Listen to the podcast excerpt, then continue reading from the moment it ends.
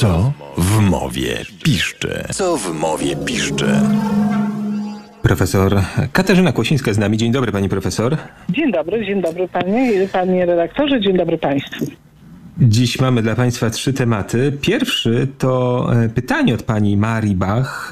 Panią Marię zainteresowało pochodzenie często używanego zwrotu dziesiąta woda po kisielu, e, po który po ten zwrot sięgamy, chcąc powiedzieć, że nasz krewny jest z nami spokrewniony, ale jest to pokrewieństwo bardzo odległe. Pani profesor, czemu tak mówimy? Dziesiąta woda po kisielu, tak. Y, Rzeczywiście y, jest to taki dosyć popularny y, frazeologizm Y, i przede wszystkim trzeba powiedzieć, że nie chodzi tutaj o kisiel w dzisiejszym rozumieniu. To znaczy nie chodzi o ten deser taki robiony z mąki kartoflanej i owoców i, i wody, tylko o zupełnie coś innego, a mianowicie słowo kisiel, które wywodzi się od tego samego słowa, które dało czasownik kisić, kisić. Inaczej mówiąc, no, kisiel to było dawniej coś kwaśnego, coś ki, kiszonego. Y, oznaczało to kisiel, oznaczał zupełnie inną potrawę. Y, to była taka potrawa, która rzeczywiście przypominała konsystencją współczesny kisiel, dlatego właśnie ten współczesny kisiel ym, zyskał tę nazwę, ale ona była zrobiona z innych składników y, y, niż, niż to, co dzisiaj jadamy, a mianowicie y, trzeba było zrobić coś w rodzaju zakwasu, czyli brało się mąkę owsianą, dolewało się do niej wody i tak długo przelewało się y, tę mąkę czy ten zaczyn tą wodą, aż całość nabierze takiej galaretowatej konsystencji. No właśnie takiej, jakiej nasz kisiel, który znamy. A zatem można powiedzieć, że kolejna porcja wody, którą zalewało się ten rozczyn, miała już niewiele wspólnego z tym pierwotnym rozczynem. I właśnie dlatego mówimy, że ktoś, kto jest daleko spokrewniony z jakąś osobą, jest mm, właśnie dziesiątą wodą po, po kisielu. Mamy jeszcze jedno około kulinarne e, pytanie. Chyba wyczuli Państwo dziś, że redaktor bez obiadu.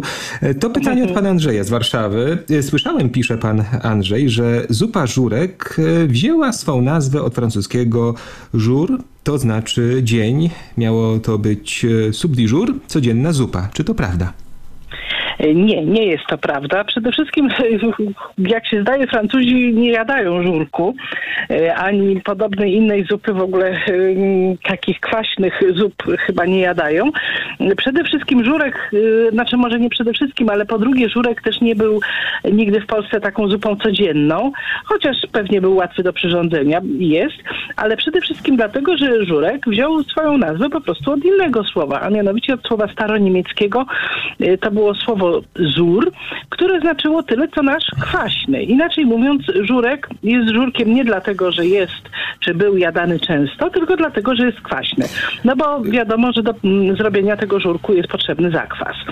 Y, I tutaj przy okazji mamy drugie pytanie od pana Andrzeja, y, bo pan Andrzej w dalszej części tego pytania pyta, dlaczego żurek nazywamy barszczem, to znaczy barszczem białym.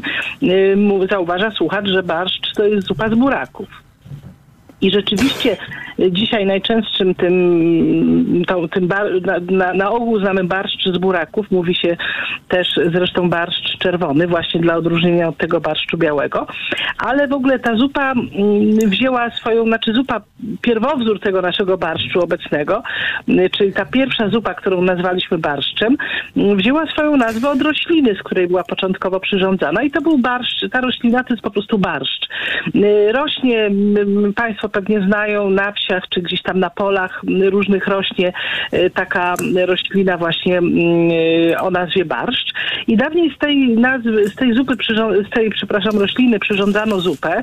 By, też była ona lekko kwaśna, bo też robiona na zakwasie i dlatego mm, no, dzisiejszy barszcz to, y, znaczy dlatego kolejne zupy y, y, robione na zakwasie nazywano barszczem i stąd ten żurek, barszcz biały i barszcz czerwony, ale już nie miała ona nic wspólnego później z tą rośliną. Pani Ewa pisze do nas, że właśnie zjadła y, żurek. Pani Ewo, serdecznie pozdrawiamy. A my bądźmy konsekwentni, pani profesor, i dalej pozostańmy w kuchni. Pan Franciszek Kwiecień z Warszawy w imieniu swoim i rodzeństwa pisze: Mój 53-letni tata używa w domu garczek, na przykład w sytuacji, gdy mówi o naszej, do naszej trójki rodzeństwa. Umyjcie garczki po obiedzie. Naszym zdaniem prawidłowa forma to garnek. No tak, oczywiście garnek jest naj, taką najwłaściwszą formą. To jest takie y, słowo, m, powiedziałabym, nie, niepotoczne, ale garczki y, to jest taka potoczna forma słowa garnczki. Przy czym garnyczki trudno wymówić, no bo tam mamy rynyczyky, rynczky, taki, taką, taką, taką zbitkę spółgłosek, więc te garnczki y, uprościliśmy sobie do takiej formy garczki, która no może nie jest jakoś tam specjalnie zalecana, ale to jest taka takie słowo potoczne. Mm, Jeśli używane w domu, to no chyba łatwiej zachęcić domowników do tego, żeby umyli garczki, bo to garczki to się małe wydają niż garnki, e, prawda? I to wtedy wydaje się od razu, że jest tak dużo pracy. A więc pan, no, tacie pana Franciszka możemy wybaczyć te garczki. Jak w domu, w języku takim wśród rodziny, to, to jak najbardziej.